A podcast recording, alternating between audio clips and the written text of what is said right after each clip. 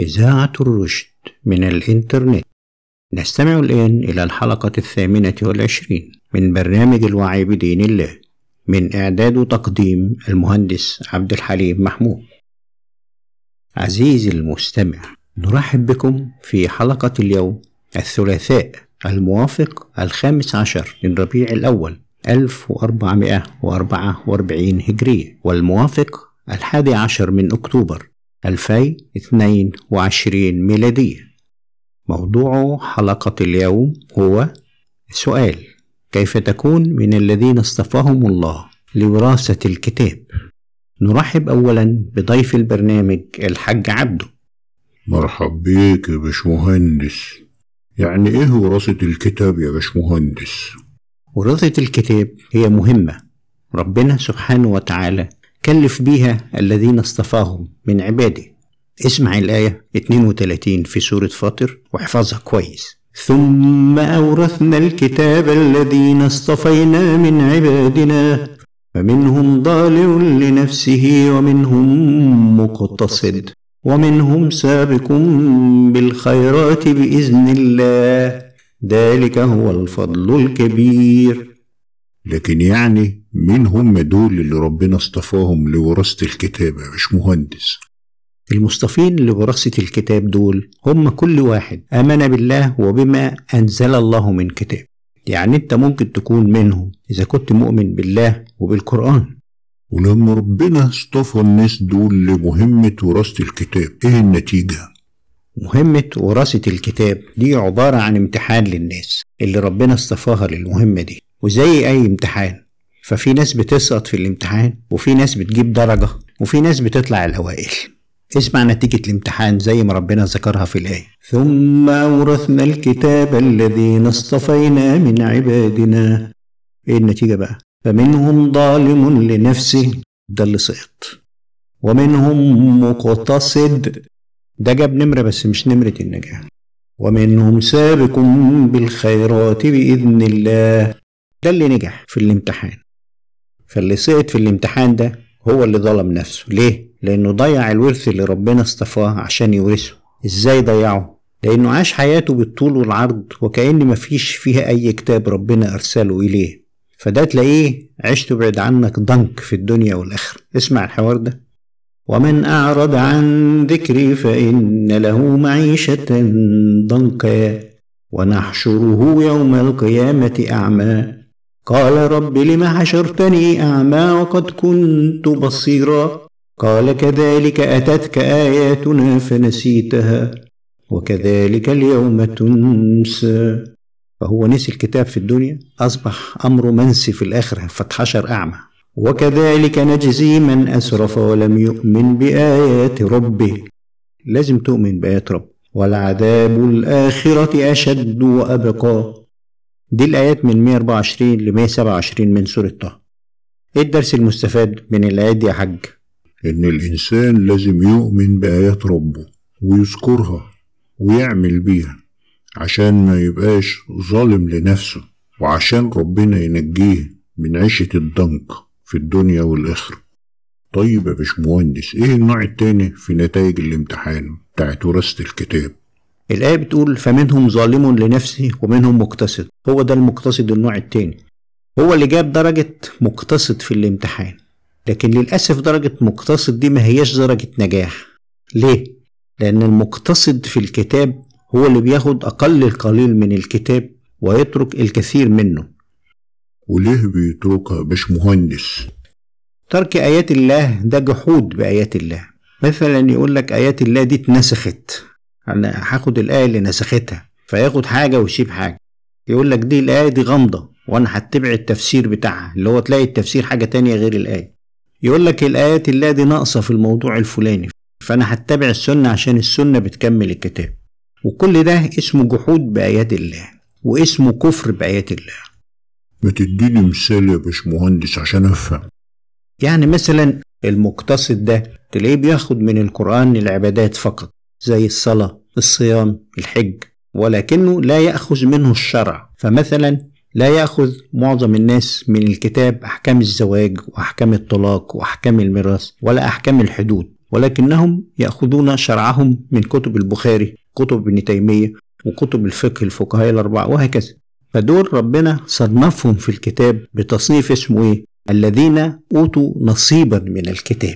ابحث في القرآن عن المصطلح ده. الذين أوتوا نصيبا من الكتاب. ليه؟ لأن هم أخذوا نصيب وتركوا نصيب. فكأنهم يؤمنون ببعض الكتاب ويكفرون ببعض. اسمع الآيات. ألم تر إلى الذين أوتوا نصيبا من الكتاب يدعون إلى كتاب الله ليحكم بينهم؟ ثم إيه اللي بيحصل بقى؟ يتولى فريق منهم وهم معرضون. وهم معرضون. مش عايزين كتاب الله يحكم بينهم. ذلك بأنهم قالوا لن تمسنا النار إلا أياما معدودات وغرهم في دينهم ما كانوا يفترون ما فيش في القرآن حاجة بتقول إن حد هيخش النار أيام معدودات. أمال جابوا منين الكلام ده؟ هم بيفتروه فكيف إذا جمعناهم ليوم لا ريب فيه؟ ووفيت كل نفس ما كسبت وهم لا يظلمون. دي الآيات من 23 ل 25 في سورة آل عمران. طيب يا باشمهندس إيه هو النوع الثالث في نتائج امتحان وراثة الكتاب. الآية بتقول على النوع الثالث ده سمته سابق بالخيرات. الآية بتقول إيه؟ فمنهم ظالم لنفسه ده الأول والتاني مقتصد والتالت إيه؟ ومنهم سابق بالخيرات بإذن الله. ذلك هو الفضل الكبير. ده اللي نجح في الامتحان. دول اللي تفوقوا. ليه؟ لأن هم استقبلوا مهمة اصطفاء الله ليهم بوراثة الكتاب. استقبلوه بكل جدية. فحققوا الهدف من وراثة الكتاب. وإيه هو الهدف يا باشمهندس من وراثة الكتاب؟ الهدف موجود في تصنيف الله ليهم. ربنا سماهم إيه؟ ومنهم سابق بالخيرات. فالهدف إن الناس دي تسابق في عمل الخير. إن الإنسان يتحول من إنسان سلبي أو إنسان عايش في حاله ملوش دعوة بحد إلى إنسان بيسابق في عمل الخير. أنت بتقول يا باشمهندس استقبلوا مهمة وراثة الكتاب بكل جدية. إيه المقصود بالجدية يعني؟ الجدية في وراثة الكتاب هو إنه اكتشف لنفسه مهمة حياة محددة ربنا اصطفاه ليها وكتبها عليه في القرآن فاستشعر بمسؤولية عليا كمسؤولية الأنبياء والرسل في حمل الكتاب وإقامة الكتاب في الناس فاستثمر فيها كل ما يستطيع من وقت وجهد وفكر ليقوم بالمهمة اللي ربنا اختاره ليها وكلفه بيها. يا باشمهندس أنت بتقول حمل؟ الكتاب وإقامة الكتاب. أنت جبت الكلام ده منين يعني؟ مثل الذين حملوا التوراة ثم لم يحملوها كمثل الحمار. ماله الحمار؟ يحمل أسفارا فالحمار مش عارف هو شايل إيه. بئس مثل القوم الذين كذبوا بآية الله. والله لا يهدي القوم الظالمين. فالإنسان المؤمن اللي بيحمل كتاب الله هو عارف في إيه. واللي فيه دوت في القرآن ده بيجعله ماشي على بينة من ربه. يقوم يحميه من سوء عمله ويحميه من اتباع الهوى بتاعه. وبعدين عندك الآية التانية اللي بتقول لك إيه؟ أفمن كان على بينة من ربه كمن زين له سوء عمله واتبعوا أهواءهم الآية 14 من سورة محمد. آية تانية في سورة الأنعام 122 بتقول لك إيه؟ أو من كان ميتا فأحييناه وجعلنا له نورا يمشي به في الناس كمن مثله في الظلمات ليس بخارج منها. كذلك زين للكافرين ما كانوا يعملون. دي حاجة تانية إنه الإنسان أصلا لو ما فيش قرآن ده كأنه ميت فالقرآن ده بيحييه ويجعل له نور يمشي بيه في الناس. ده لو عرف القرآن في إيه وعمل بيه. وإلا العكس إيه كمان مثله في الظلمات ليس بخارج منها. تاني حاجة إنه بعد ما يحمل الكتاب إنه لازم يقيم الكتاب. يقيمه إزاي؟ يعني يجعله مرجع لأحكام الدين له وللمجتمع اللي هو عايش فيه. لأن ربنا بيقول إيه؟ ولو أنهم أقاموا التوراة والإنجيل وما أنزل إليهم من ربهم لأكلوا من فوقهم ومن تحت أرجلهم.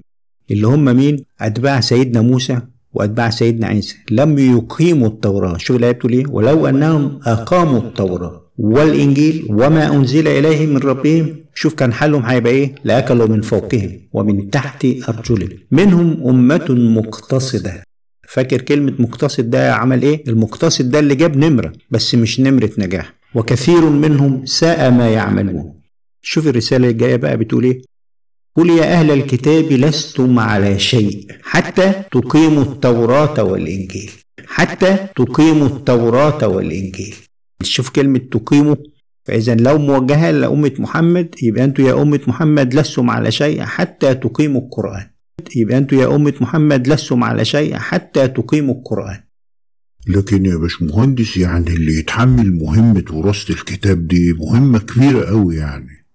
أيوة طبعا كبيرة. عشان كده ربنا بشر اللي ياخدها بجدية كمهمة حياة. ربنا بشره في الآية ببشرتين مش بشرة واحدة. الأولى إن سباقه في الخيرات ده كان بإذن الله لأن هي بتقول إيه؟ ومنهم سابق بالخيرات بإذن الله. فدي علامة على إنه مؤيد من الله في عمل الخير ده. ليه؟ لأن إذن الله سابق لفعل العبد.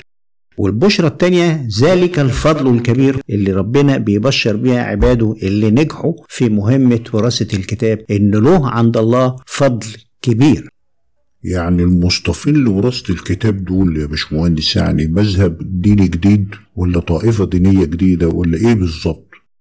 المصطفين لوراثة الكتاب دول ليسوا طائفة ولا منظمة دينية جديدة ولا قديمة ولا هم أصحاب مذهب ديني جديد بل بالعكس هم بيتبرأوا من كل المذاهب والطوائف والملل الدينية إلا ملة إبراهيم حنيفة.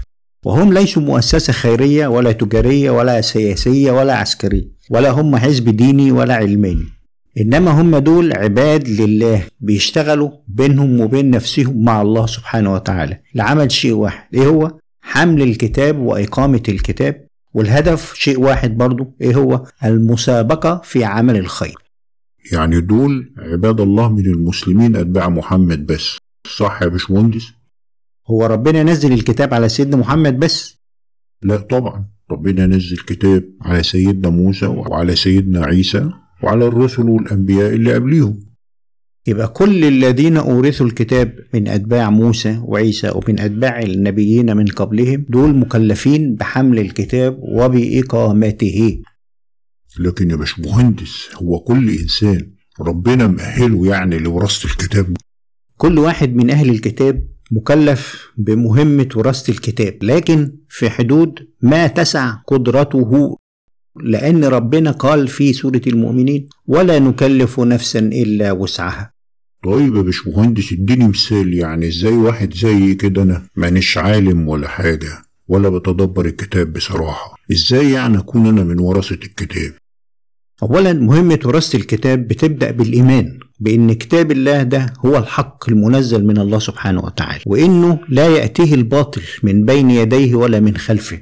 تاني حاجة في مهمة وراثة الكتاب إنه يتدبر القرآن ويتعلم النور اللي فيه والهدى اللي في الآيات اللي فيه. ده فرض عين هتسأل عنه يوم القيامة لأن الفرض ده ضروري لكل مؤمن عشان يستقيم على ما أنزل الله من الكتاب. وحتى لا يضل مع الذين ضلوا واتبعوا كتب الشيطان. فإذا تعلم المؤمن شيئا من الكتاب يستطيع أن يعمل به ويعلمه لأهله ولغيره ويسابق به في عمل الخيرات. وبذلك يكون قد نجح في مهمة وراثة الكتاب. أنت بتقول إن تعلم النور والهدى اللي في الآيات ده فرض من الله. أنت جبت الكلام ده منين؟ اسمع الآيتين دول من سورة النمل. حتى إذا جاءوا قال أكذبتم بآياتي ولم تحيطوا بها علما أم ماذا كنتم تعملون؟ ووقع القول عليهم بما ظلموا فهم لا ينطقون. يعني معناها إن الإحاطة علما بآيات الله دي فرض عليك لأنك هتتسأل عليه. لازم تتعلمه. حتى لو مش بتعرف تقرأ لازم تتعلم القرايه وإذا مش هتعرف تقرأ برضه لازم تتعلم تنصت إلى الآيات إلى القرآن اللي بتسمعه في إذاعة القرآن الكريم. وتحاول تحفظ الآيات. وفي ناس كتير ما بتعرفش تقرأ وتكتب وحفظت القرآن ولما بتحفظه تتفكر فيه وبعدين تعمل بيها. طيب يا باشمهندس يعني اللي عايز دلوقتي يكون من المصطفين لوراثة الكتاب يعني إيه المطلوب منه بالظبط؟ وراثة الكتاب في مهمتين فقط لغير. المهمة الأولى حمل الكتاب والمهمة الثانية إقامة الكتاب. حمل الكتاب له أربع متطلبات في نفس الإنسان. لكن إقامة الكتاب ليها متطلبين بيعملهم في المجتمع اللي حواليه. وفكرك تاني حمل الكتاب إحنا عرفناه منين؟ من الذين حملوا التوراة ثم لم يحملوها وبرضه أفكرك بإقامة الكتاب عرفناها منين؟ قل يا أهل الكتاب لستم على شيء حتى تقيموا التوراة والإنجيل. وما أنزل إليكم من ربكم. طيب يا باشمهندس إيه هي الست متطلبات ديت؟ هنعرف الأول الأربع متطلبات لحمل الكتاب. إيه هي؟ نمرة واحد أن تؤمن بكتاب الله وآياته وبأنه حق منزل من عليم حكيم وأنه مفصل غير غامض وأنه كامل غير ناقص كما يدعي أتباع طاغوت كتب التراث. متطلب الثاني إنك تتعبد بآيات الله فتتلوها آناء الليل وتتذكرها في النهار. في مواقف حياتك كلها. نمرة ثلاثة أن تتدبر الآيات وأن تستخرج منها الهدى والعلم والنور. نمرة أربعة أن تعمل بها في حياتك وتجعل منها النور الذي تمشي عليه. فإن فعلت تلك الأربعة يبقى أنت كده حملت الكتاب. طيب يا باشمهندس إيه هما بقى المتطلبين التانيين المطلوبين عشان أبقى أنا بقيم الكتاب؟ نمرة واحد في إقامة الكتاب هي التحاكم إلى كتاب الله في الدين والشرع والأحكام وعدم التحاكم لغيره من الكتب. ألم تر إلى الذين أوتوا نصيبا من الكتاب يدعون إلى كتاب الله ليحكم بينهم؟ ثم إيه اللي بيحصل بقى؟ يتولى فريق منهم وهم معرضون فما تقولش أحد المصادر الشرع هو الكتاب. الكتاب هو المصدر الوحيد للشرع. وبذلك أنت تقدر تتحاكم إلى كتاب الله. طيب فده المتطلب الأول. المتطلب الثاني إنك تقيم الكتاب ده للأجيال اللي جاية من وراك تعلمه لأولادك ولأحفادك وإنك تنشره وتعلمه للناس حتى نبينه للناس. فمن فعل ذلك فقد أقام الكتاب. لكن أنت يا باشمهندس عندك دليل من الكتاب على الست متطلبات دول اللي أنت بتقولهم لوراثة الكتاب؟ طبعا يا حاج أنا لا أؤلف أي شيء في دين الله على الإطلاق. لكن وقت الحلقة خلص دلوقتي وإن شاء الله سنعرض هذه الآيات ونتدبرها في الحلقة القادمة. وإلى هنا نأتي لنهاية هذه الحلقة والسلام عليكم ورحمة الله وبركاته. كنا نستمع الآن إلى الحلقة الثامنة والعشرين من برنامج الوعي بدين الله. إذاعة الرشد من الإنترنت.